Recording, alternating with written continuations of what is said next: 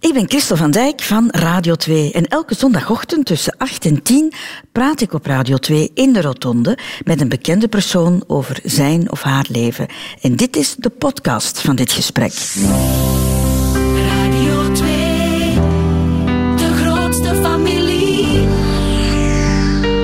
Goedemorgen, wij ontbijten vandaag in de Rotonde in Westende met Dieter Koppens, ah, televisiemaker, onder meer van Down the Road. En nu ah, ook gekend van de Wonderjaren met uh, Siska Schoeters. Goedemorgen, Dieter. Goedemorgen. Ik weet dat jij een man bent die houdt van bergen, van bomen, van bos, van de Ardennen. Ehm, maar kan ik je toch ook blij maken met een blik op de zee? Amai, nog niet. Jawel, jongens. Toch? Ja, ja zalig. Hè. Ja, dit dat zie je niet zo vaak. Hè. En dat is, dat, is, dat is de natuur, hè. En die wijsheid. Ja, dat is, ik vind dat fantastisch. Ja. En je kent het hier ook een beetje, dacht ik, hè? Ja, ja, ja, mijn schoonouders hebben een, hebben een huisje eh, in Middelkerke. Dus ik ben er wel regelmatig geweest, ook eh, als de kinderen wat kleiner waren. Fijne tijden beleefd. En het is heel fijn dat jij hier bent. Welkom in de Rotonde, Dieter. Dankjewel. Radio 2. De Rotonde met Christel van Dijk. Dieter Koppes, wij gaan vandaag de afslagen van eh, jouw leven eens in kaart brengen. Ben jij een goede kaartlezer als het over de plattegrond van jouw eigen leven gaat? Ik doe mijn best. Ah ja, als het over mijn eigen, over mijn eigen leven. Nee, ik was aan het denken, echt kaart lezen in de bergen, dat kan al eens mislopen. Maar over mijn eigen leven, ja, ik, ik laat het wel allemaal een beetje gebeuren. Ik ben, daar, ik ben niet zo ene die eh, dat allemaal uitstippelt. Intuïtief. Intuïtief, ja. Dat heb ik van, ehm, van thuis meegekregen, denk ik. Mijn moeder zei dat vroeger altijd, volg je buikgevoel. En dat is altijd goed uitgedraaid? En dat is altijd goed uitgedraaid, ja.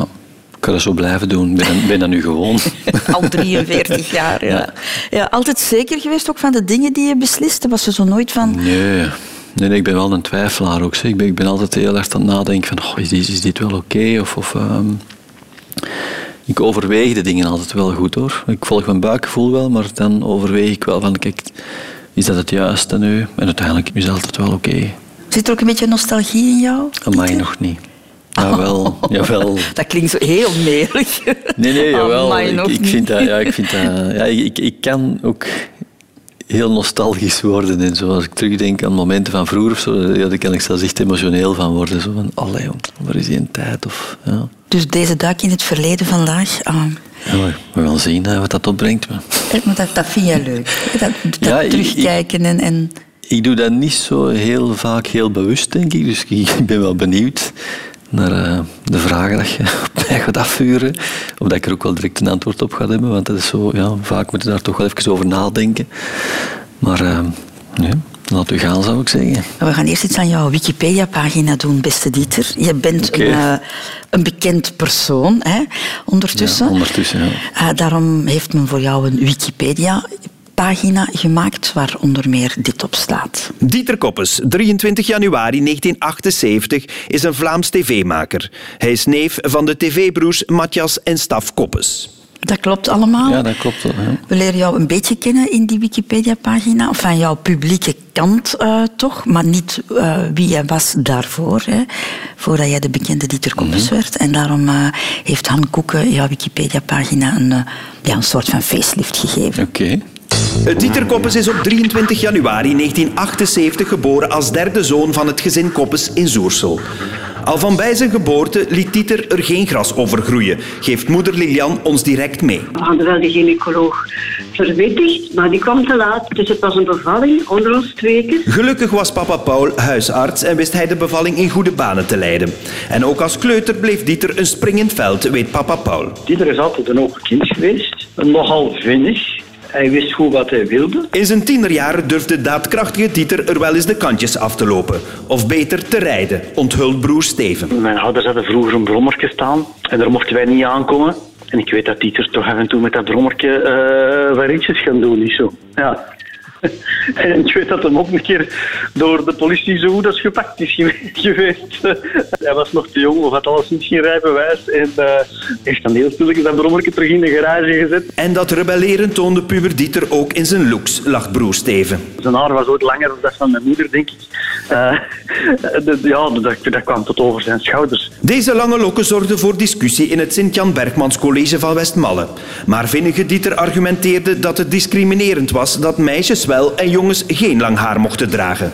Met succes, vertelt mama Lilian trots. Die heeft in het college echt geijverd om dat toch toe te laten. En op een bepaald moment is de wet koppels erdoor geraakt. En mochten ze lange haar hebben, maar het moest in een staartje. Niet enkel voor gelijkheid in haartooi stond Dieter op de barricades. Met zijn groene hart zorgde hij ook samen met broer Steven voor een aanpassing in het schoolreglement. En dan hebben we toch wel mooi op de kaart gezet dat ze in school bij ons gerecycleerd papier zijn beginnen gebruiken. Die liefde voor de natuur is er door vader Paul met de paplepel ingegeven. Ze hebben konijntjes gehad als ze klein waren. Dwerggeitjes waar ze ging moesten voor zorgen. We hebben kippen gehad, ze hebben fazanten gehouden, vogels, ja, foyeres gebouwd met een opa. Na het college trok Dieter naar Antwerpen om aan het Sint-Lucas grafische vormgeving te studeren. In die vrije omgeving voelde hij zich direct thuis en raakte hij bevriend met Tom Suikens. Die kon op reis meteen kennis maken met een onverwachte kant van zijn vriend Dieter. Dus we gingen slapen en ik stap in dat bed en die zei, ja, als je bij mij samen slaapt, dan is het altijd lepeltje, lepeltje. En ik zei van, oh my god, wat is dit? Maar nadat hij van die eerste schok bekomen was, vond Tom het volkomen gewoon. Dat je een ton in je oor krijgt of je een knuffel eh, geeft. Na hun studies richtten onze twee knuffelcontacten een uitgeverij op. Dieter werkte als grafisch vormgever mee aan tv-programma's van zijn bekende neven Staf en Matthias Koppes. En op een dag belandde hij dan toch zelf voor de camera. En de rest is history. Wat een update. dat is wel goed. Staat dat nu zo op Wikipedia? Veel beter, ja. Dat verhaal van de snelle bevalling heb je al dikwijls moeten horen, zeker? Elke verjaardag, hè. Ja. Echt, elke keer als ik verjaar, dan bel ik ook eens met ons moeder en ons vader van zeg, ja, jullie ook proficiat, hè? Want als ouder zijn, dan weten nu ook dat dat toch wel ook een dag is, hè? Als, eh, een fantastische dag is voor de ouders. En dan krijg ik elke keer dat verhaal te horen, hè. Zeg, wat, hoor ik daar ook? Ben jij een soort rebel geweest? Of moet ik zeggen een vrijheidsstrijder? Ja, het college, ja, dat, dat was wel redelijk streng. En dan, ja, weet je, je bent 16 jaar gespeeld in een rockbandje. Hè. Ik drumde ook altijd. En je wilt lang haar hebben. Op die moment is dat gewoon belangrijk om even te laten zien wie dat je bent, voor waarvoor dat je staat. En dan zijn er regeltjes ja, die daar niet mee overeenkomen. En dan begin je daarvoor te strijden samen met een paar kameraden. Maar wel op een sympathieke manier, heb ik de indruk. Ja, dat was, dat was, dat was eh, praten hè, met een onderdirecteur. En dat was een, een beetje een strenge. En dan zijn we daar even overgewipt en zijn we naar de directeur gegaan. En die had er wel oor naar. Dus eh, dan hebben we dat toch kunnen bekomen. En jouw moeder heeft het heel trots verteld. Ja, mooi hè. De Rotonde. Radio 2. Radio 2. Zullen wij eens naar de eerste afslag gaan van het leven Dieter Koppes? En dat is geboren worden Mhm. in eh, een bepaalde wieg, in een, in een bepaald gezin. Je bent de derde zoon in een gezin van vier zonen. Hè? Oeh. Wat voor dynamiek gaf dat? Dat was altijd leven bij ons thuis. Ik, ik, vond, dat heel, ik vond dat heel gezellig, zo'n bende. Maar ik was ook niks anders gewoon. Hè. Ik had twee broers die voor mij eigenlijk al de weg plaveiden. Dus, we, dus echt heel erg heb ik niet moeten puberen of zo. Maar ik, ik, heb daar hele goede herinneringen aan, aan het gezin. Dat was eigenlijk een heel warm gezin. Wij kregen veel vertrouwen ook van onze ouders. Wij mochten eigenlijk wel redelijk veel. We waren redelijk vrij in wat, dat we, wat dat we deden. Ik, ik heb altijd als heel mooi ervaren. Maar wel één grote jongensclub, hè? want dan waren er ook nog de neven, Staf en Matthias. Die, die, Dat was een jongensclub. Ja, er, er waren ook wel eh nichten, maar die waren inderdaad in de minderheid. En als we dan op vakantie gingen, wij gingen altijd met een ander gezin, koppels, eh, op reis. Die waren ook met vier kinderen, er waren drie zonen en één dochter. Dus dat was het enigste meisje van die acht kinderen die altijd samen op reis gingen. Ja. En dan bij jullie thuis was er ook één vrouwelijk element, hè? Eh, jullie Inderdaad, moeder. Ons moeder, ja. Wat voor rol speelde zij? Die was er altijd. Hè. Ze was ook de, de vrouw van, van een huisarts. En eh, toen was die eigenlijk aan, het, aan, aan thuis gekluisterd, aan een telefoon gekluisterd eigenlijk. Eh, je moest daar zijn om alle telefoons van de patiënten op te nemen. Dat was toen nog met een vaste lijn. Hè. Dus je kon, die kon eigenlijk niet weg van thuis. Ik denk dat die het er wel lastig mee heeft gehad. Want die zijn verhuisd. Eh, die hebben gestudeerd in Leuven en hebben daar samen gewoond. Maar mijn moeder is oorspronkelijk van Oostende, hè, niet zo ver van hier. En ons vader van Ninove. Die zijn dan ja, in Zoersel komen wonen, omdat daar plaats was voor een huisarts. Die kende daar eigenlijk niemand. En vanaf toen zat ons moeder met een telefoon om al de eh, ja, oproepen Zo van de patiënten. Zo ging dat vroeger. Hè. Ja. En ons papa onderweg, die had dan zo'n een semafoon, hè. Eh, noemden ze dat toen, zo'n klein bakje mee. En als daar een, één opkwam, was een dringende oproep. Hè, bel, en dan moest je ja, bij de patiënt, bij de vaste lijn naar ons moeder bellen. En eh, zo ging dat. Hè. Ja. Dus ja. ehm, die, die, die, die was wel altijd thuis ook. Dus dat gaf wel een heel eh, warm gevoel. Er, er was altijd iemand als je thuis kwam. En ja, dat was, dat was wel een heel... mm, nog altijd een heel warm iemand die heel goed kan luisteren. Want jouw moeder was eh, psych- psychologe, hè? ja, ja. Is daar later, is, als wij wat groter waren, is ook wel terug eh, gaan werken als uh, psycholoog. Ja. Vanaf dat er gsm was, denk ik. Ja. Kan ik dan ook zeggen dat er heel veel aandacht was bij jullie over emoties en, en, en over praten en, en gevoelens? Ik denk dat wel. Wij, wij, wij, konden thuis toch wel eh, over alles praten. Dat was wel heel open. Ja, als ik dat vergeleek bij vrienden die, die, die weinig met hun ouders deelden, dan dat gaat over van alles en nog wat. Dat gaat over de badkamer ook. Hè, waar dat, bij veel vrienden weet ik dat, dat, dat de badkamerdeur altijd gewoon toe bleef. Weet, hè. I- Ieder zijn de privacy. En dat was bij ons thuis. Ja, weet, ons vader lag in bad en je ging er gezellig bij zitten. Er was zo'n klein bankje in de badkamer. En heel vaak zaten wij gewoon op dat bankje te praten met ons vader of ons moeder als die in dat bad lag. Dat was eigenlijk allemaal heel, heel gezellig. Ja. Ja, nu, op televisie kom jij ook over als iemand die heel open is, die, die heel makkelijk over gevoelens kan praten, Mhm. over emoties. Is dat een restant van, van jouw opvoeding, denk je? Ik denk dat wel. je dat ja, dat, krijg je mee. Hè. Ja, dat krijg je zeker mee van thuis uit. Hè.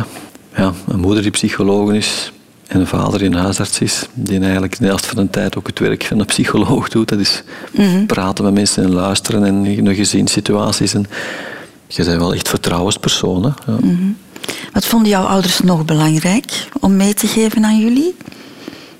Eh, er zijn voor anderen hulp aanbieden waar nodig. Dat doen ze nog steeds. Hè. Dus, eh, we hebben zo Crucea, dat is onze- een zustergemeenschap van Soersel in Roemenië. Een dorp die wel ondersteuning krijgt van, vanuit Soersel. En daar doen mijn ouders heel veel voor. Ja, jouw vader heeft blijkbaar Roemeens geleerd. Ja, ja, ja. Dus, dus, ja, dat is ongelooflijk, hè? Dat is het engagement eh, Ja, ja, 100 procent. 100 procent. Dus dan zit- ligt hij s'avonds in zijn bed met een boekje Roemeens. Echt waar je denkt van, man, wat een moeilijke taal. en dat leert hij allemaal. Dus en- engagement was belangrijk. Engagement is jullie? belangrijk, ja. Je respect, res- respect naar iedereen en, en, en ja, luisteren naar iedereen zijn standpunt. Dat is wel een hele belangrijke. Niet direct oordelen zo. Want iedereen ja, reageert vanuit, vanuit, zijn eigen, eh, vanuit zijn eigen context. En daar moet je vooral eerst naar luisteren waarom dat iemand zo reageert. En voordat je gaat oordelen vanuit je eigen standpunt. Nee, dat is ook wel een belangrijke. is gewoon eh, geen oogkleppen op hebben. En voeling met de natuur ook, denk ik, hè? Wij, wij, wij hebben dat nog wel meer ontwikkeld dan mijn ouders, zoals Steven en ik, de jongste. We, we, zijn er, we hebben dat zeker meegekregen van thuis uit. Ik denk omdat wij heel veel huisdieren hadden thuis. We hadden konijnen en, en volières gebouwd, inderdaad, met een hoop vogels erin. En, en ja, je, je krijgt dan ergens een soort van eh, gevoel met die dieren, maar later kwam er nog veel meer een gevoel van, niet enkel met dieren, maar de natuur. En de natuur ja, is het grotere geheel, waarin dat, hè, dat zijn hele ecosystemen. Eens dat je dat probeert te begrijpen, of, of daar een beetje inzicht in krijgt, dan, dan, dan, dan, dan krijg je ineens wat inzicht in, in het leven, zo in het grotere verhaal. En dat is echt super interessant. Maar, maar de, de kiem is inderdaad wel gelegd. eh, En wat je vader blijkbaar ook belangrijk vond, was de verantwoordelijkheid die jullie moesten nemen. Mhm. Want dat vertelde hij in, in, in jouw nieuwe Wikipedia-pagina, de verantwoordelijkheid om te zorgen voor... Zorgen voor, ja, dieren zijn daar uiterst geschikt voor. Geschikt voor hè. Als je moet zorgen voor een dier, ja, dat, is, dat is inderdaad eh, dat is een heel belangrijke les, denk ik, voor kinderen. Radio 2. Jouw vader en jouw moeder, eh Dieter Koppes, zijn allebei hoog opgeleid, hè, hebben universiteit eh, gedaan. Waren die verwachtingen er ook naar jullie toe? Of in dit geval specifiek naar, naar jou toe? Wij zijn allemaal naar Sint-Jan Bergmans College gegaan in Westmalle. En dat was een normaliteit toen dat wij naar het college gingen. Mijn twee oudere broers, dat ging heel vlot. Bij mij in het begin ook wel, zo, maar we begonnen dan allemaal met Latijn-Grieks. Dat was zo de, het hoogste. Om dan, denk ik wel, naar Latijnse en dan ben ik naar moderne gegaan. Mijn jongste broer, die, die kon daar niet aarden. En die heeft zoiets gehad van, hier, hier word ik ongelukkig. Hè. Dan zijn ze, ja, die- ze hebben geluisterd naar onze Steven. Die zei van, kijk, ik wil, ik wil bakker worden. En dan is hij naar de PIVA gegaan. Dus ik denk bij de vierde hebben ze wel ingezien van kijk, er zijn ook gewoon andere mogelijkheden en je moet dan ook wel gewoon volgen wat, wat je kind aangeeft. Hè. Bij mij, ik heb die school, ik, ik, heb, dat, ik heb dat afgemaakt, maar, maar ik, ik, ja, ik, ik had het wel wat gehad met, met de manier van lesgeven of zo, of die klassieke vakken en, en zo het, een leerkracht dat er zo'n uitleg staat te doen en wij moeten allemaal maar gewoon luisteren en slikken. Dat was ik, ik had altijd zoiets man, hoeveel, hoeveel uren zit ik hier eigenlijk gewoon op die bank? Ik wil ook nog andere dingen doen. Ja, ik vond dat... Ja, schooltijd... Ik, ik ging wel graag voor mijn vrienden, maar de, de school op zich... Maar alles hangt ook af van de leerkrachten. Hè. Hoe dat een leerkracht lesgeeft. En ja, er die het niet zo boeiend brengen. En dan, ja, dan, begin ik, dan, dan was ik aan het wegdromen. En dan Ja? keek ik naar buiten en dan zocht ik vooral vogeltjes, denk ik, om naar te kijken. Maar had je het gevoel, Dieter, dat je daar niet echt op je plaats zat? Dat het niet echt eh, de, de goede school of de goede richting was voor jou? Goh, dat weet ik niet. Ik denk, nee, op, op zich denk ik dat dat wel oké was. Want ik heb daar een goede, goede basis mee gekregen. Alleen ja, vond ik het allemaal veel te theoretisch.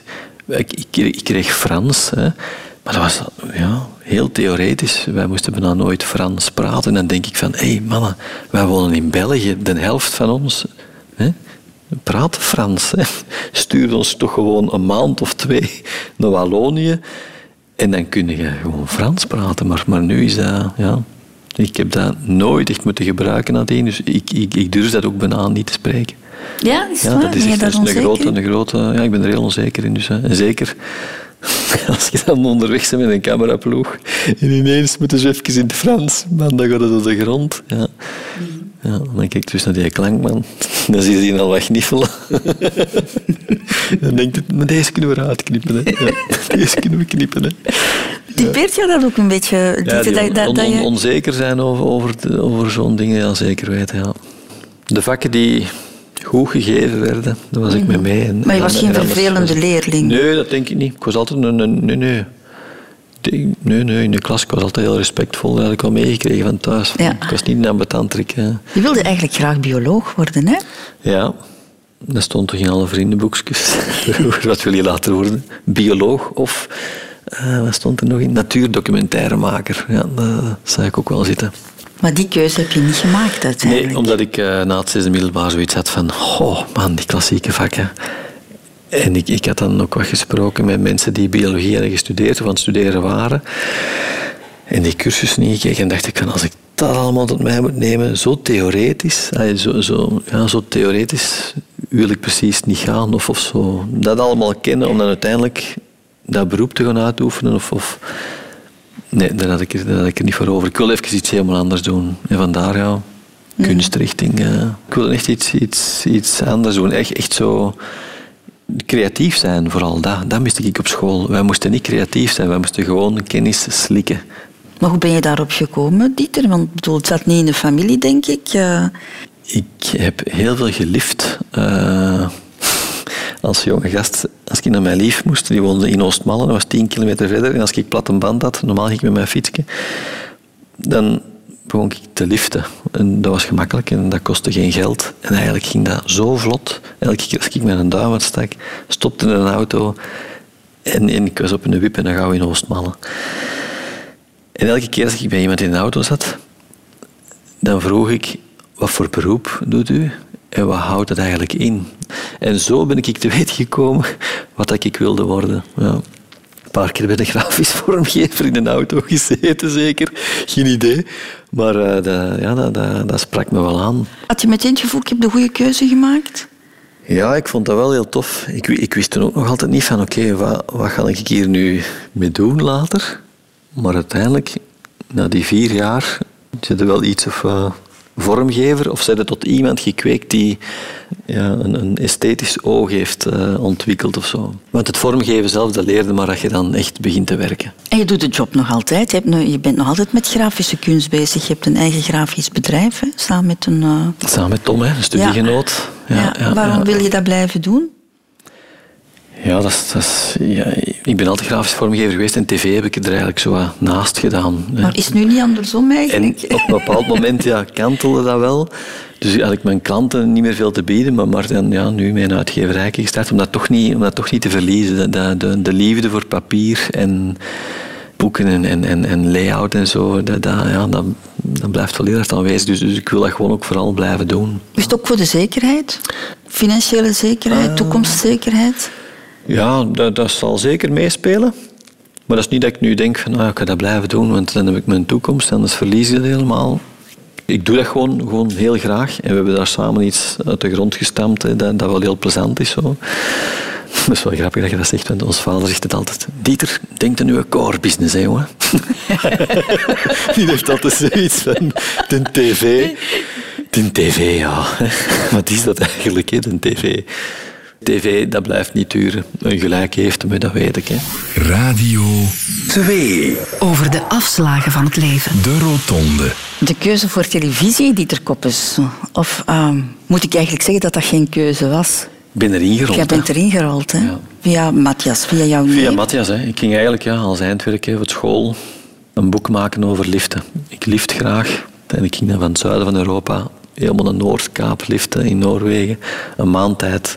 En dan ging ik daar de, verhalen inzetten van de mensen die ik tegenkwam. Lifttips. Eh, ja, dat ging dus een grafisch eh, boek worden.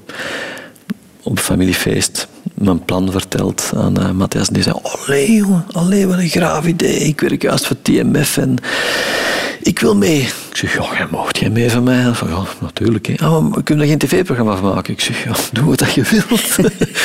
de volgende week belde hem. Ja, we moeten naar Amsterdam. Eh, ik heb een afspraak bij de programmadirecteur van TMF. We gaan dat verkopen. Dus wij naar Ginder dat idee uit de doeken gedaan. En die zei, prima, jullie mogen dat maken. Jullie loon is twee cameraatjes, je mocht die dan houden. En dat moet wel helemaal gemonteerd, klaar, hier afgeleverd worden. En wij sprongen een gat in de lucht. Vanaf wanneer wist jij, Dieter, van... Ik doe dit eigenlijk wel graag. TV maken? Ja? Ja, de Poolreizigers was natuurlijk iets heel persoonlijks. Ja, de Poolreizigers was dan de derde reis dat we eigenlijk hebben gemaakt. Hè. De liftreis, dat was dan de grote reis van de Zuidpool naar de Noordpool.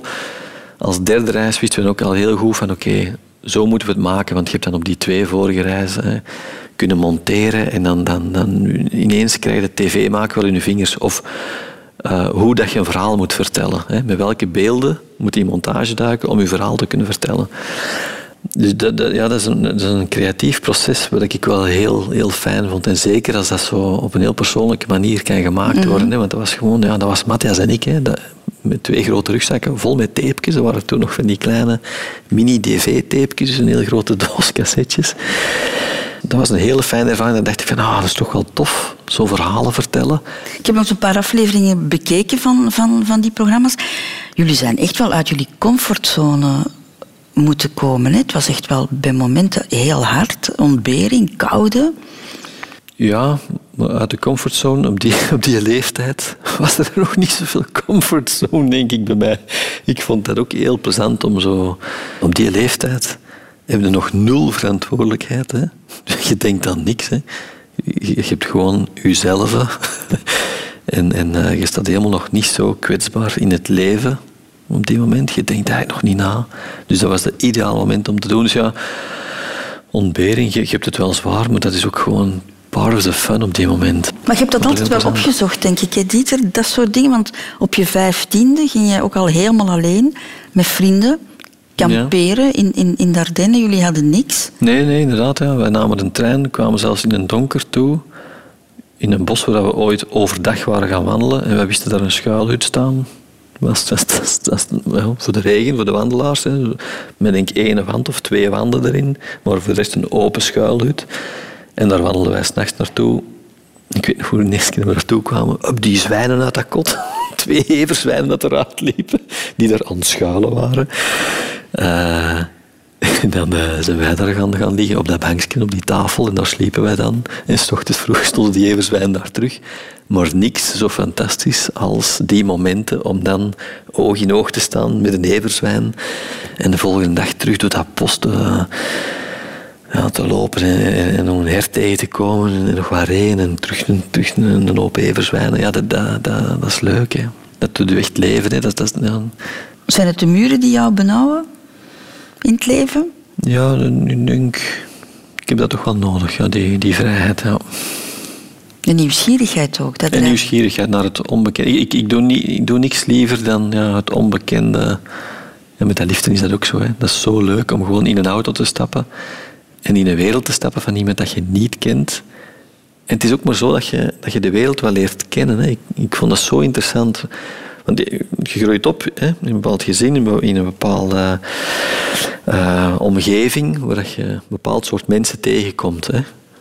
Maar als je gaat liften, kom je mensen tegen waar je anders nooit zou tegenkomen. Of je hoort verhalen ja, waar je eigenlijk nooit hebt bij stilgestaan. Van, ah ja, daarom denken die zo. Of daarom denken die zo anders daarover. Hè, omdat die anders in het leven staan. Of, ja, dat, dat heeft mij altijd zo open doen kijken naar de dingen. Zo, ja. Heeft het jou ook bepaalde antennes gegeven, die, die, die reizen? Ik denk dat je dat ergens moet hebben. En ik heb dat meegekregen van thuis wel, dat je zo men, mensen kunt aanvoelen. Ik, ik vertrouw mensen heel snel. Daar, daar ga ik altijd vanuit dat de, men, dat de mens goed is. En dan blijven we wel gewoon alert en staan antennetjes aan en hier en daar kunnen voelen van hmm, dat is speciaal. Kunnen we beter niet te lang in een auto zitten? Dus het heeft jou wel mensenkennis. Ja, sowieso. sowieso. Je komt met zoveel mensen in contact dat dat je wel wat mensenkennis oplevert. Ja, dat zeker. Hoe belangrijk is het onderweg zijn voor jou, Dieter? Een hele belangrijke, denk ik. Ja, ik heb, eh, dat kan ik soms echt hebben, de drang om gewoon echt eh, onderweg te zijn. Is dat al liftend of is dat al reizend met gezin in een auto? Of eh, al wandelend met het gezin de bergen in? Ja, even afstand nemen van het leven thuis. Zo. Even kunnen relativeren. Soms kun je zo, als je thuis zit of in je werk, dat kan druk geven. En je, zit met, je moet nadenken over dingen. En, maar vanaf dat je in de bergen gaat wandelen, en je maakt je hoofd vrij en je zit daar in die machtige bergen en je kijkt naar beneden en je ziet zo een klein dorpje in de vallei liggen en denkt, mooie jongens toch, waar, waar maak ik mij toch altijd zorgen om? We zijn zo nietig. Hè? Ineens, ineens kan ik dat allemaal anders bekijken, vanuit een ander perspectief. Zo, ja. Is het onderweg zijn belangrijker dan het aankomen dan ook? Het is allebei fijn. Als je aankomt op een hele fijne plek, is dat ook weer heel goed. En op die fijne plek kun je ook weer onderweg zijn, want dan maakt de wandelingen of tochten. Of, eh, nee, nee, ja. Als er, allebei maar, als er maar goed eten is als je aankomt. Als er maar goed eten is. Ik zou het eens willen hebben, Dieter Koppes, over ehm, de keuze in jouw leven om een steen te verleggen. En daarmee bedoel ik het idealisme dat jij toch ook wel hebt. Hè? De natuur. Zullen we daar eens eerst mee beginnen? Als kind zat jij bij de scouts, maar dat gaf jou niet zoveel voldoening. En dan ben je naar de Jeugdbond Natuur en Milieu gegaan. Ja, de JNM. Ja, bestaat Ja. nog steeds. Hè. Ja. Eh, kleine jeugdbeweging, maar gewoon helemaal gefocust op natuur. En dat was fantastisch. Ja. Heel avontuurlijk. Mijn eerste kamp, ik was 12 jaar, in de Veluwe in Nederland. En dat was eh, heerlijk. Ja, de, ehm, de leiding, dat zijn allemaal studenten biologie. Die pakken nu mee en, en je hebt gewoon allemaal hetzelfde voor ogen. Dat is gewoon bijleren over, over die natuur. En iedereen heeft die interesse. Dus die gemeenschappelijke interesse, dat, dat gaf een enorme verbinding. Zo. En dat was zalig. Je deed excursies en, en, en je kwam van alles tegen. En, en je onderzocht dat. En, en die, die, ja, die, die leiding gaf dan uitleg daarover. En zalig was dat. Ja. Overdag kom je dan een dassenhol tegen. Ah, dat is ah, een hol van een das. Ah ja, en kunnen die dan zien? Ja, ja, tegen schemering komen die naar buiten, zijn nachtdier. Ah ja, mo- mogen we dan hier komen slapen? Dan, eh, ja, weet je, als je daar ligt, hè, dan kunnen die een das wel zien buiten komen waarschijnlijk. Op een afstandje met de verrekijker. Dus twaalf jaar, met drie man s'avonds, mogen wij daar dan gaan slapen? de leiding gevraagd, ja, geen probleem. Gewoon daar een nachtje gelegen, die dassen zien buiten komen. Een fantastische ervaring. S ochtends wakker worden, weer een everzwijn dat daar stond, oog in oog. Echt, dat is ja, zalig. Mhm. Is daar jouw eerbied voor de natuur ook eh, ontstaan? Zeker, ja, ja. Ineens merkte dat alles wel belangrijk is. En dat ja, insecten voor vele mensen hè, blijft dat een vies insect. En je moet dat gewoon met je pantoffel opslaan en dan is dat insect dood en is dat klaar. Of, of je spuit dat dood. Of, eh, Ja, nee, dat is allemaal superbelangrijk. Hè. De, de insecten zijn de basis van het leven. Hè. Dus, ehm, ja, ook van ons leven. En dat vergeten heel veel mensen. Dat zo het ecologische systeem, het grotere systeem waar wij ook deel van uitmaken, dat is zo interessant. Uh, maar dat is, uh, dat is ook vooral heel pijnlijk om er altijd over te lezen dat, het er niet zo goed mee gaat. En, uh, ja. Dat is dan de keerzijde. Als je, als je dat interessant vindt en je, je, je, weet daar wat meer over en je leest daar meer over, dat je altijd denkt van, oh, we zijn zo hard niet goed bezig. ja. Mm ja. En jij bent er wel mee bezig, hè? Jij bent bijvoorbeeld de ambassadeur bezig, van uh, Mij Plasticvrij, ja. bijvoorbeeld, hè? Ja. Ja, ik wil zo'n initiatief alleen maar steunen. Ik vind dat, ah, ik vind dat tof. Uh, mensen die zoiets op poten zetten om een soort van bewustzijn hè, te creëren. Dat is niet zo'n gemakkelijke om toe te passen zoals uh, uh, tournee mineraal. Dan drink je geen alcohol. Is dat eigenlijk heel gemakkelijk als consument. Dan drink je geen alcohol en klaar. Mij plasticvrij wilde ik gewoon even laten weten van hey, ehm, al die plastic, willen wij dat wel? Hè? Want dat wordt ons allemaal gewoon... Dat kunnen niet zomaar even laten. Hè? Je gaat naar de winkel en je, een hele tijd worden dan mee geconfronteerd met die plastic. En veel mensen zeggen mij dan van, ja maar Dieter, zo'n maand zonder plastic, dat lukt niet. Hè? Dus ik vind dat iets heel moeilijk, die mij plasticvrij. Maar dat is ook niet de bedoeling. We willen gewoon even aantonen van, hey, mm die, dat wordt ons gewoon de strot ingeramd. Hè. Wij hebben geen keuze. Dat is, dat is een bepaalde industrie die zegt van hey, goed plastic verbruiken, dat geeft ons veel. Dat levert ons veel geld op. Hè. Al die, het, gaat dan over, het gaat wegwerpplastic. Hè. Ja, dus, dus even aankaarten toch van als, als consument heb je ook een stem. Hè. Als ik bij onze ijsjeshoeven in Zoersel uh, daar langs ga en ik zie ze de hele tijd crèmetjes uitscheppen in plastieke bakjes, dan denk ik van, oh, dat is toch zo pijnlijk per dag vuilniszakken vol plastieke bakjes. En dan gebruik ik mijn stem om te zeggen, zeg, tegen de eigenaar van, zou je het toch niet anders kunnen aanpakken? Misschien moeten we daar eens over nadenken, dat je die afvalberg kunt verkleinen. Nu hebben die dat gedaan, dus nu hebben die een ander soort verpakking en zo, die veel minder uh, afval...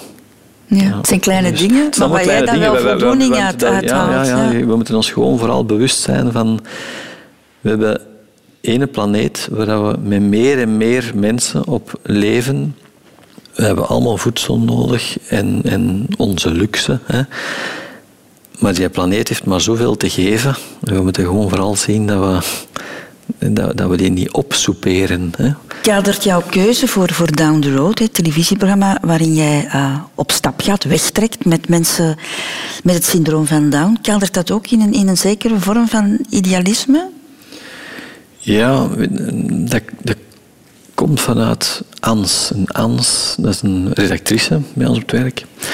die heeft een zus, Lore, die in het eerste seizoen ook is meegegaan.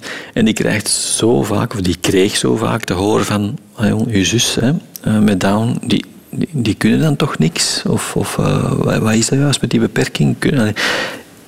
Heel vaak werd er heel negatief naar gekeken. En die had het, die had het daar zo aan mee gehad. Die had, die had zoiets van, kom, daar moeten we toch iets aan doen. Mhm. Want er zijn zoveel dingen die die wel kunnen. En die hebben, die hebben troeven, die hebben sterke punten. Hè. Dat moeten we laten zien. We moeten een keer laten zien wat dat die wel kunnen. En zo zijn we eigenlijk op, dat, ja, op het programma-idee gekomen van Down the Road. Ik pak die mannen mee en die kunnen ze laten zien aan Vlaanderen uh, wat ze wel kunnen. Ja. Ja, een heel emotionele reeks. Ja. Heb je getwijfeld om, om, om daar ja op te zeggen? Ja, dat was wel... Ik voelde dat wel aan als een enorme verantwoordelijkheid. Hè, want je zei de, vertrouwenspersoon voor die mensen. Ik had ook totaal geen ervaring uh, met mensen met Down. Ik heb een nichtje met Down, maar die is, dat is zo de laatste in de reeks van een hoop neven en nichten. En ik zat al op kot toen hij geboren werd, dus mm. ik heb daar uh, niet echt een band mee ja, dat was toch wel even, even nadenken van gaan we dit doen. Maar dat was wel... De, de nieuwsgierigheid was wel heel groot. En, en van ja, wat, wat gaat dat geven? Die wereld wil ik wel leren kennen. Dus ja, ik heb dat toen toch gezegd van ja, ik wil dat doen. Ik denk zeer overweldigend, hè? Dat is zeer overweldigend, ja. ja. Ik weet nog heel goed, die, de eerste reis... We vertrokken op mijn oprit. Die ochtend zei ik nog tegen mijn vrouw wat gaat dat hier geven? Geen idee. Hè. Voor hetzelfde geld praten die straks in een auto tegen elkaar. Wat gaat er gebeuren? En, maar echt, ja, die, die kwamen één voor één toe. dat was zo schoon. Ja, hoe, dat die met elkaar omgingen. En dan die auto in. Wij vertrokken. En dat was een al gejuich in die auto. Dat was echt, ik weet nog goed, dat was kippenvel. Ik had echt zo kippenvel. Zo, oh my god, deze, deze wordt een gravenrit. Ja, ja, dat wordt een reis om nooit te vergeten. En dat werd het ook. Ja. Dat is niet zomaar een tv-programma, dat is echt een, dat is meer een project. Zo. Eh, dat is ook niet opnemen en dan staat dat erop en dan is dat klaar. Je hebt met die mensen nog een band, hè. nu nog. Hè. Dat, is, eh, ja, dat wordt gewoon deel van je leven. Hè. Maar je hebt je, ja, jou geweldig gesmeten daar hè, in, in, in, in dat programma. Typeert jou dat, dat ook? eh, dat jij de dingen misschien niet doseert? Ja, dat kan wel zijn. Maar ja, niet doseren, je kunt dat niet... eh, je moet er gewoon zijn, hè. Dus, dus ja... Pas op, in een tweede reeks heb ik dat wel beter aangepakt. Mezelf daar iets in beschermd. Door te zeggen... Mannen, iedereen slaapt in zijn eigen bed. Het is niet als je iets hoort of wat schrik hebt of wat dit of wat dat, dat je bij mij mocht komen liggen. Want dat gebeurde dus de eerste reeks wel regelmatig. Je hebt dat dan gezien met de Kevin die een lepeltje, lepeltje bij mij ook hè, in bed lag.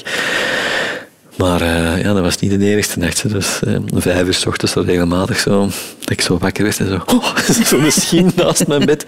Kopus, ik ben bang. Ja, zei, hij kom, op onder dat deken. En dan denkt je van rug tegen rug. Nee, nee, dan voelde zo. Ja, dan voelde de lepel u omarmen. Dus je hebt moeten leren doseren. Dus ik heb, dat wel, ja, ik, ik heb daar net iets meer mijn grenzen getrokken. Ik, ik, in het begin wist ik ook niet goed, oké... Ik, ik heb mij toen soms net iets te veel laten doen, denk ik. hè. Wat dat ze ook heel goed kunnen, is u zo rond hun vinger dragen. En, eh, ja, dan hebben ze de eerste reeks nog net iets te veel gedaan met mij, denk ik. Ja. De reeks is, is, is bejubeld geweest, eh, Dieter. Een prijs ook, eh, ook gekregen. Ja. Maar er is ook wel wat kritiek gekomen op, op het, het programma dat jullie het te aaibaar hè, maakten. En dat jullie hè, misschien de, de meest weerbare of mm, mensen lieten zien. Ja, je pakt, je pakt eh, gasten mee die dat kunnen. Hè. Een reis maken drie weken zonder hun ouders. Je neemt niemand niet mee die zegt van ik wil dat niet. Hè. Ik wil thuis blijven, ik kan mijn ouders missen.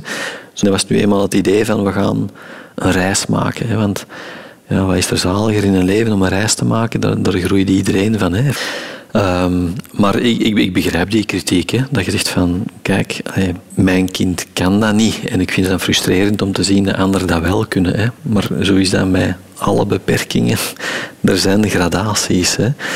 Maar wij wilden nu vooral ook gewoon het beeld laten zien van wat kunnen ze wel. Hè. Wat, wat, wat kunnen ze wel. Je kunt niet de wereld in één keer veranderen, snap je? Je kunt niet goed doen voor iedereen. Want het voordeel is, zeg ik altijd tegen de mensen van kijk, het feit dat jullie nu die kritiek kunnen uiten, dat komt ook wel door dat programma. Hè? Dus dat programma is daar geweest en nu worden jullie ook gehoord. Hè? Maar het heeft wel wat teweeggebracht, hè, Dieter? Jawel, ja, ja, vroeger ja, eh, werd er vaak naar die gasten gekeken van, ah, kijk daar, een Mongool. En was, waren die gewoon allemaal hetzelfde. Hè. Dat, is nu een woord dat ik zelf niet meer gebruik. Dat is gewoon even om te illustreren hoe het vroeger was. Maar dankzij dat programma hebben we wel kunnen laten zien van, kijk, je hebt nu wel een Martijn en een Kevin en een Lies, dat zijn allemaal mensen met hun eigen persoonlijkheden, met hun eigen, met hun eigen talenten. Dus dat is eigenlijk, ja, dat, dat, dat hebben mensen nu wel ingezien, dat ze niet allemaal over dezelfde kant te scheren zijn. Dat dat niet gewoon iemand is met een beperking die niks kan, maar dat dat allemaal eh, unieke, mooie mensen zijn. De liefde, dat is een belangrijke afslag in het leven, Dieter Koppes. Zwaar. Had jij als tiener grote dromen op dat gebied? Ja, de liefde, dat was bij ons niet... Geen een van mijn broers heeft dat. Ik weet niet, dat is misschien ook van thuis meegegeven. Zo, zo een scharrel hier en daar. Of zo snelle, korte relaties. Of, of eh, nee, dat... Nee. Bij mij, de liefde, dat is wel echt verliefd worden op iemand.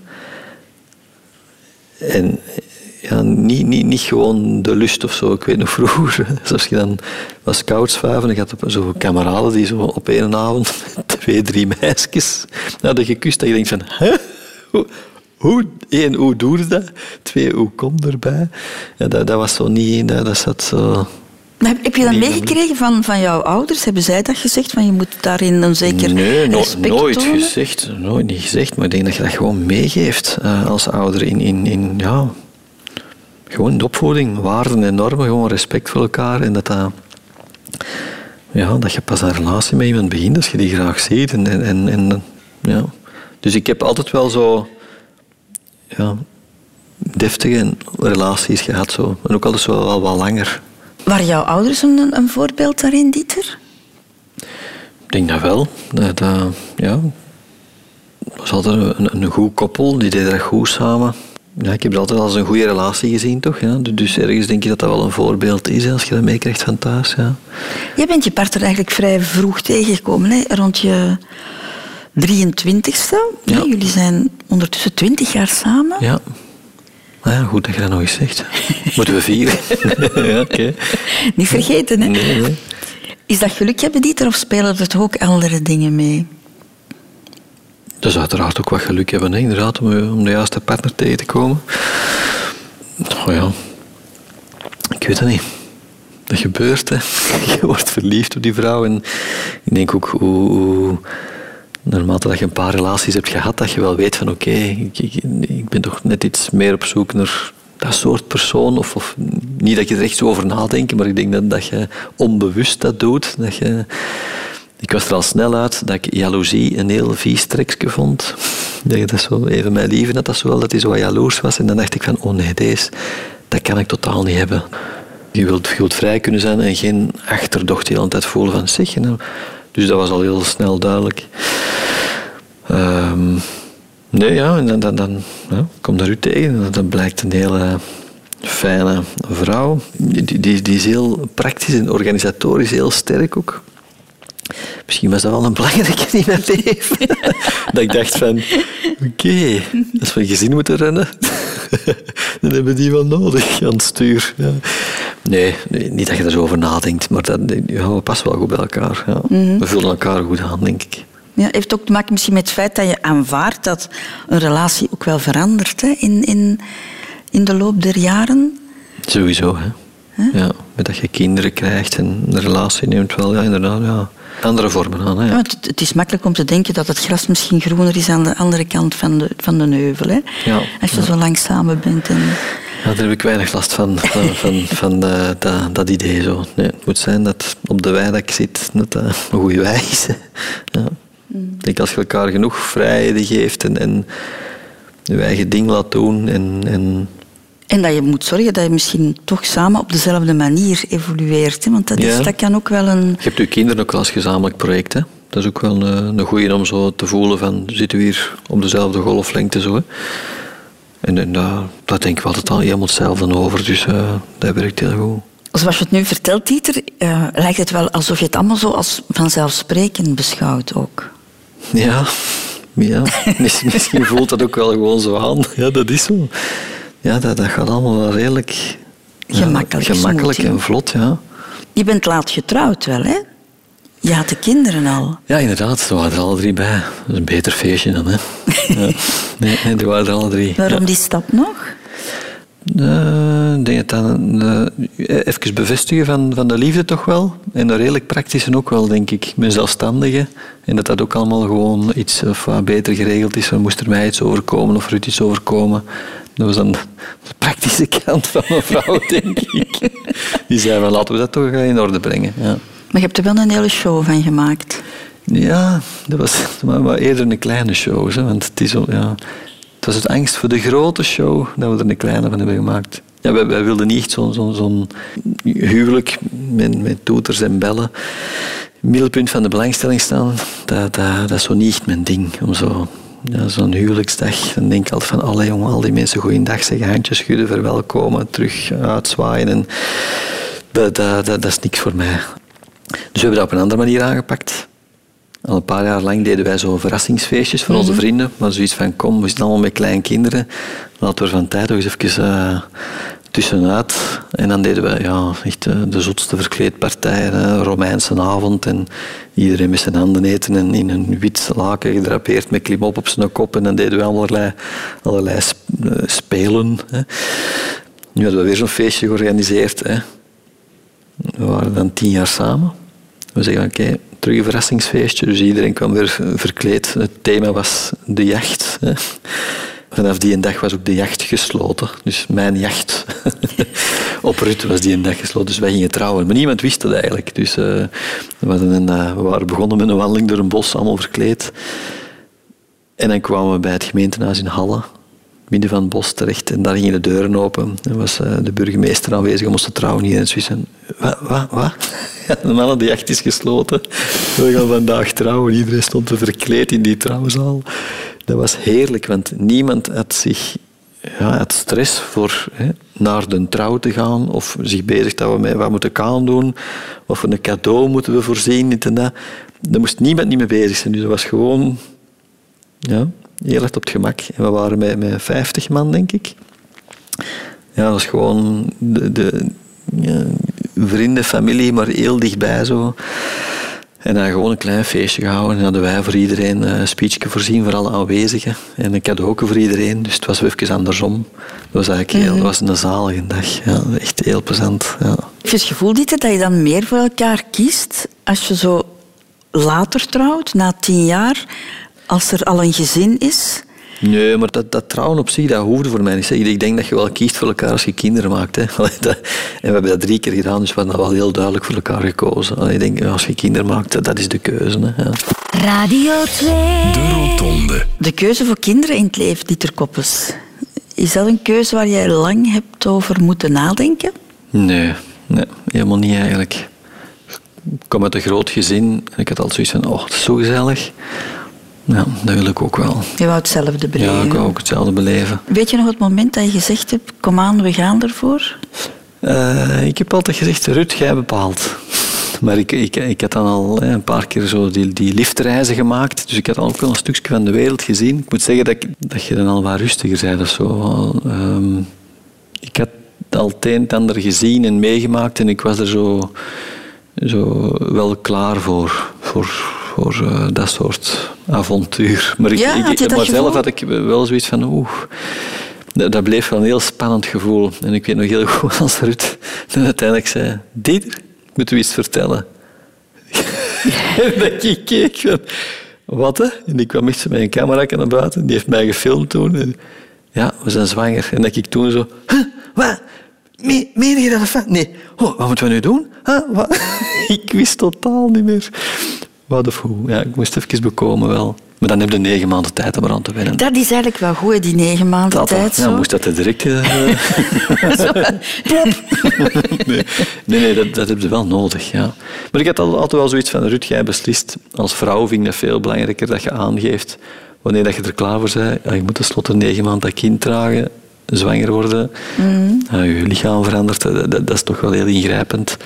Dus we hebben vooral naar haar klokje geluisterd. En je hebt die negen maanden echt nodig gehad zo, om, om, om Ja, je mindset te maken. En had je er toch schrik voor dan? Ja, de, ja vooral dat je ineens kwetsbaar wordt. Hè. Ja. Ineens is er een kind waar jij verantwoordelijk voor bent. Dus dat is, eh, ja, dat is, dat is zwaar. Hè. ja. Was dat besef er meteen toen, toen jouw dochter Ah, geboren wel. werd? Ja, Suus die werd geboren en ik had echt zoiets van... Oh, mannetjes. Oh, dit... Ja, ik voelde mij meteen zo kwetsbaar. Ik, ik had echt schrik om in mijn auto te stappen en zo. Dat, dat was echt van... Oh nee, nu, nu ben ik verantwoordelijk voor dat kind. En, en ineens kon ik ook alles in, in, in- perspectief zetten. Dat dit is wat ik geweest ben voor mijn ouders. Dus je voelt ineens zo die onvoorwaardelijke liefde, die een drang om dat kind te verdedigen, om te beschermen tegen alles en nog wat. En ineens dat besef van, oh shit, jongen, dat- nu besef ik ineens waarom dat mijn ouders zo ongerust waren als ik veel te laat thuis kwam. Of, eh, ja. ja, dat was, eh, dat was wel een bijzonder momentje, die geboorte. Ja. Mhm. Alles verandert. Alles veranderd. Alles verandert, ja. Heb je toen ook eh, voor jezelf uitgemaakt dat je niet meer dat soort echt avontuurlijke reizen en, en programma's ging maken? Daar stond toch een rem op ineens. Ja, dat was toch... want er werd nog over nagedacht. Maar dat is wanneer zijn we nog eens weg? Ja, je kunt dat niet maken, hè, om zo een paar maanden van huis weg te zijn en, en ja, toch wel een meer risicovolle reis eh, te maken. Ehm, ja, dat heeft daar zeker, heeft daar zeker invloed op. Hè. Mhm. Je hebt, je, hebt, je hebt de verantwoordelijkheden, hè? maar je moet die opnemen ook. Hè? Je, moet- je moet er zijn voor je kinderen. Hè? En ik merkte dat ook als ik dan weg was voor het werk. Stel een week of tien dagen, twee weken en je komt thuis. Dat kind ziet er al anders uit. Hè? Dat gaat zo snel, die groeien zo snel.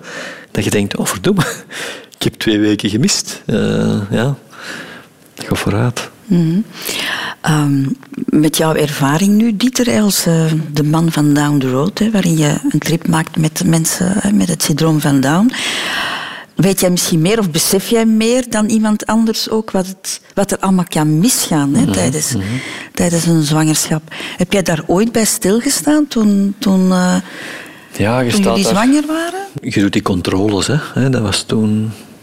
hè, De nekplooi en zo werd gemeten en je hebt bepaalde controles dat je toen door moest. Nu is dat een NIPT-test die gedaan wordt om te zien of je kind het syndroom van Down heeft, ja of nee.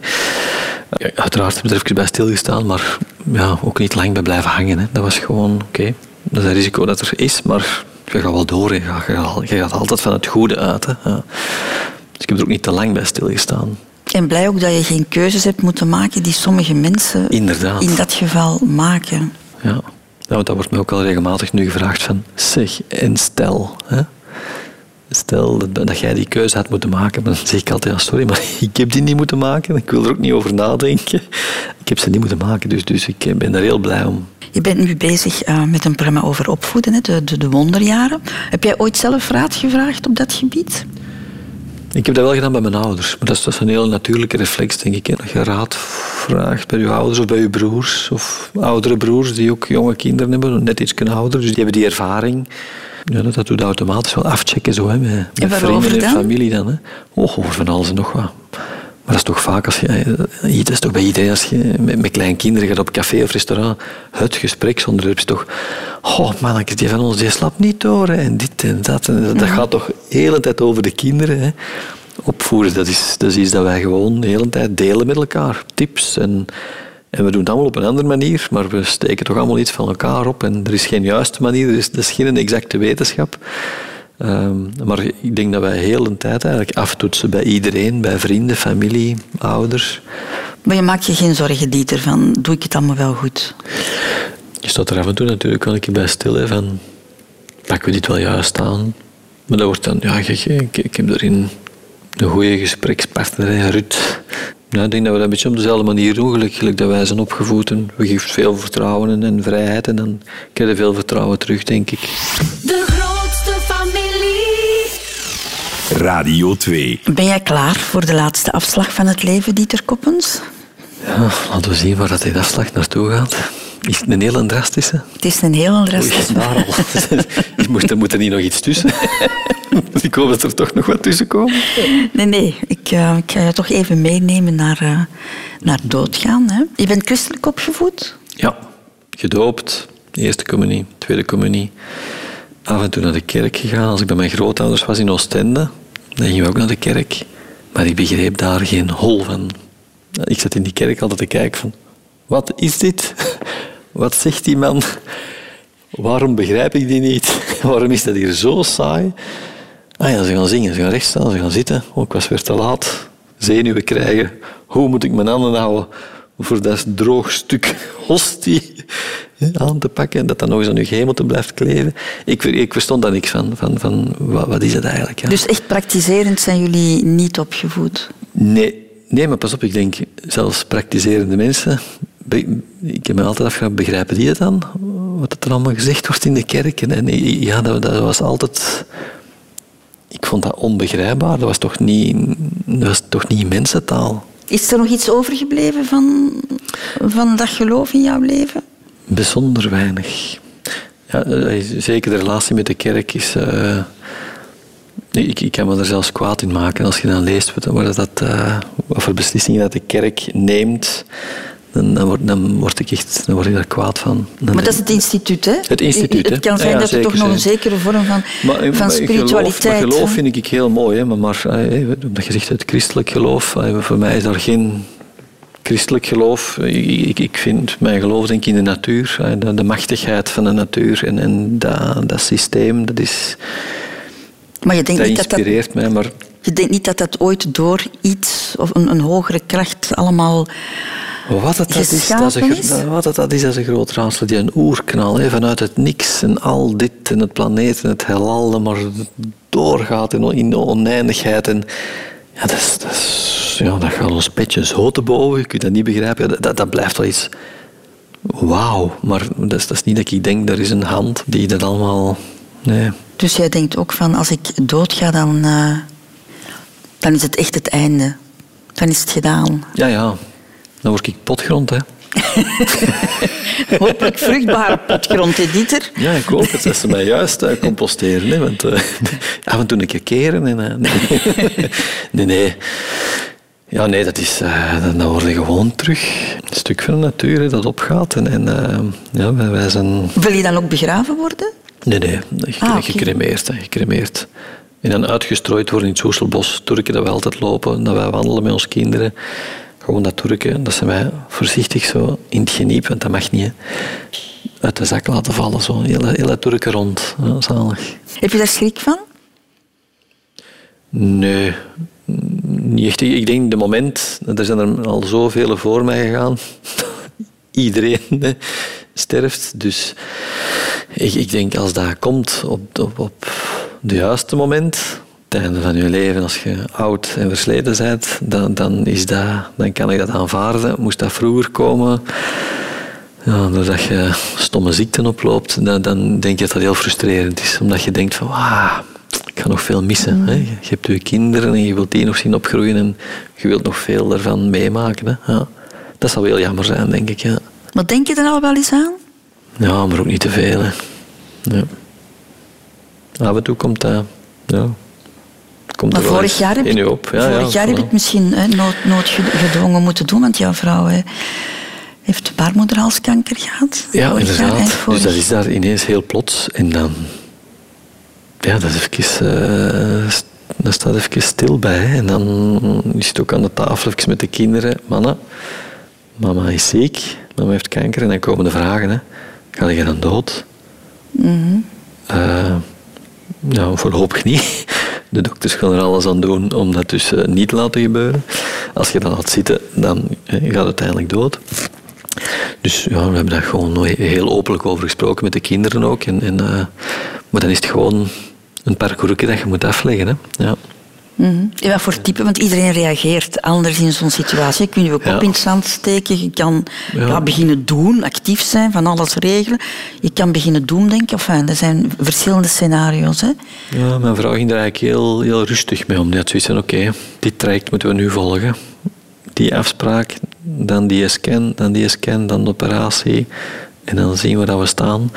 Dus even mee dat treintje op, wat dat die dokters voor u voorschrijven. En, en ja, dat is, dat is het even uitzitten. Ja. En jij, Dieter? Ja, je wordt, eh, er zijn momenten geweest dat je zo even de angst voelt, hè, dat je minder goed in slaap valt, of dat je veel te vroeg wakker wordt, dat je denkt van oeh, er speelt toch iets in mijn hoofd. Hè, dat, stel, zo dat kansje van dat stel, dat, dat loopt slecht, of, of ze zien op de zoveel die hè, toch het niet haalt. Ja, dat, dat, dat, dat speelt wel even mee, maar ik kan ook wel redelijk goed van mij afzetten. Ehm, ik heb dat een paar nachten gehad en dan is dat overgegaan. Hm, ik kan me wel voorstellen, ja, alles loopt goed. Je zit eigenlijk in een, in Ja, een fijne situatie, een fijn gezinsleven, toffe job. Alles loopt op wieltjes en dan ineens zo bang. Het besef dat het zo, hè, hoe broos het allemaal is. Hè. Ja, zeker zo. Ja, in de familie al een paar keer met kanker te maken. Mijn vader heeft ook kanker gehad vorig jaar. Mijn mama heeft al kanker gehad, mijn schoonmoeder, schoonzus. Dus dat, dat- dat- ja, het komt, het komt langs alle kanten. Hè. Dat is, maar als het dan zo dichtbij komt, ja, dat is toch even schrikken. Heeft jou dat veranderd? Ben jij bijvoorbeeld ongeruster geworden? Nee, ik denk dat we nog wel iets meer pluk de dag zijn. Dat heb ik ook al vaak geleerd van mijn reisgenoten van Down the Road. Hè. Leven in het nu. En dat is zo belangrijk hè, om nu te genieten. Hè. Die denken ook alleen aan het nu. Die denken niet verder. Hè. Dat doen de ouders wel, zeggen die. die. Regelen dat voor ons. Nu. Dat is zo schoon. Dus eh, dat, dat zijn we ook wel meer, zijn we ons meer bewust van. En je wilt dat ook gewoon langer vasthouden. Hè. Ja. Je hebt dat ook elke keer als er iemand uit je omgeving sterft. Die eerste weken daarna denkt ook altijd hè, na de begrafenis van oh mannetjes, ik moet zoveel meer genieten van het nu. Van het nu hier zijn. En gelukkig zijn voor elke gezonde dag dat je krijgt. En, eh, Maar het vervaagt ook dikwijls zo snel. Hè? dat vervaagt zo snel, hè, door die malle molen waar- waarin wij leven. Hè. Dat is, eh, het gaat allemaal zo snel. En, ja. Dus dat proberen we zo lang mogelijk vast te houden. Ja. Dieter Koppes, ga je nog iets doen met dat diploma natuurgids dat je ook op zak hebt? Ehm, als ik wat tijd heb, ga ik daar zeker iets mee doen. Ja, dan ga ik mensen gidsen in de natuur en, en ja, zorgen voor eh, verwondering en vertellen over hoe het allemaal in elkaar zit. Of zo. Ja, ik, ik, ik wil het nog wel gaan doen, maar ik moet, ik moet er tijd voor hebben. Ja. Is dat dan plan B voor de verre toekomst, als televisie misschien afgelopen is? Ja, ja, maar dat kan er ook los van staan. Dat is niet tv of uh, natuurgids. Maar ehm, nee, daar ga ik zeker nog iets mee doen. Ja. Ook een pad waarin jij gelukkig zal zijn, denk ik. Hè? Ja, ja, zeker. Ja. Ja. dat is zo, ja, die, die een drang om meer en meer te weten te komen, dat is ongelooflijk. Als, je, als, als, als ik die cursus volgde, dat was met een hoop mensen die allemaal ja, geïnteresseerd zijn in de natuur, dezelfde interesse weer al. En dan is dat, je steekt elkaar aan. En dat is echt een bad waar je in duikt en waar je zoveel mogelijk wilt inzitten en wilt absorberen. Dus dat is, uh, ja, dat is, dat, is, dat is fijn. Af en toe doe ik nu zo eens een wandelingsje met, de, met een boswachter bij ons in Zoorsel. Dat is zo tof, want die brengt u weer zoveel bij. Ja, dat, dat, dat doet u weer zo anders kijken naar de dingen. Ja, leuk. Ik vond het fijn om met jou te ontbijten, Dieter. Ik heb jou... Enfin, je mag me verbeteren hè, als, ik het, als ik het fout heb, maar ik, ik heb jou leren kennen als een hele contente mens. Zo. Dat is zo. Je, je staat vrij gemakkelijk in het leven. Hè? Ja, dat is fijn om dat zo te horen. Als dat uw conclusie is, daar ben ik wel blij mee. Maar ja, ja ik, ben, ik ben wel een contente mens, ja. ja zeker. Ik denk dat ik een goede start heb gekregen. Zo. Mijn ouders hebben dat goed gedaan. Ik denk dat dat eigenlijk heel veel doet. Zo'n goede, een goede start in het leven. Ja. Dankjewel, mama en papa. Echt, hè, voor die warme nest. Ja. Ja. Nog één ding, uh, Dieter, en dat is het, het gastenboek. Ja. Dat is het, uh, het einde van deze rotonde. Hmm. Lieve Christelinko, zo fijn om even terug te blikken op het leven. Iets wat je spontaan eigenlijk te weinig doet. Dat verre zeezicht hier, dat helpt om terug te gaan en om wat te mijmeren. Merci dat ik aan deze kant ook van de tafel mocht zitten. Uh, want dat is de schoonste kant, met het zicht op de zee. En dan de naam, ja, de rotonde, dat is heerlijk. Je blijft hier zo rondjes draaien in je leven, even, even wat terugblikken. Straks terug een afslag nemen, benieuwd wat die zal brengen.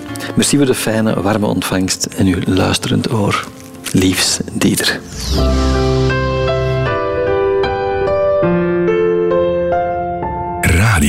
2. Heb je genoten van dit gesprek? Wel, beluister dan zeker ook de andere afleveringen van de Rotonde. En nog meer podcasts van Radio 2? Ook de rechtvaardige rechters vind je in je podcast-app.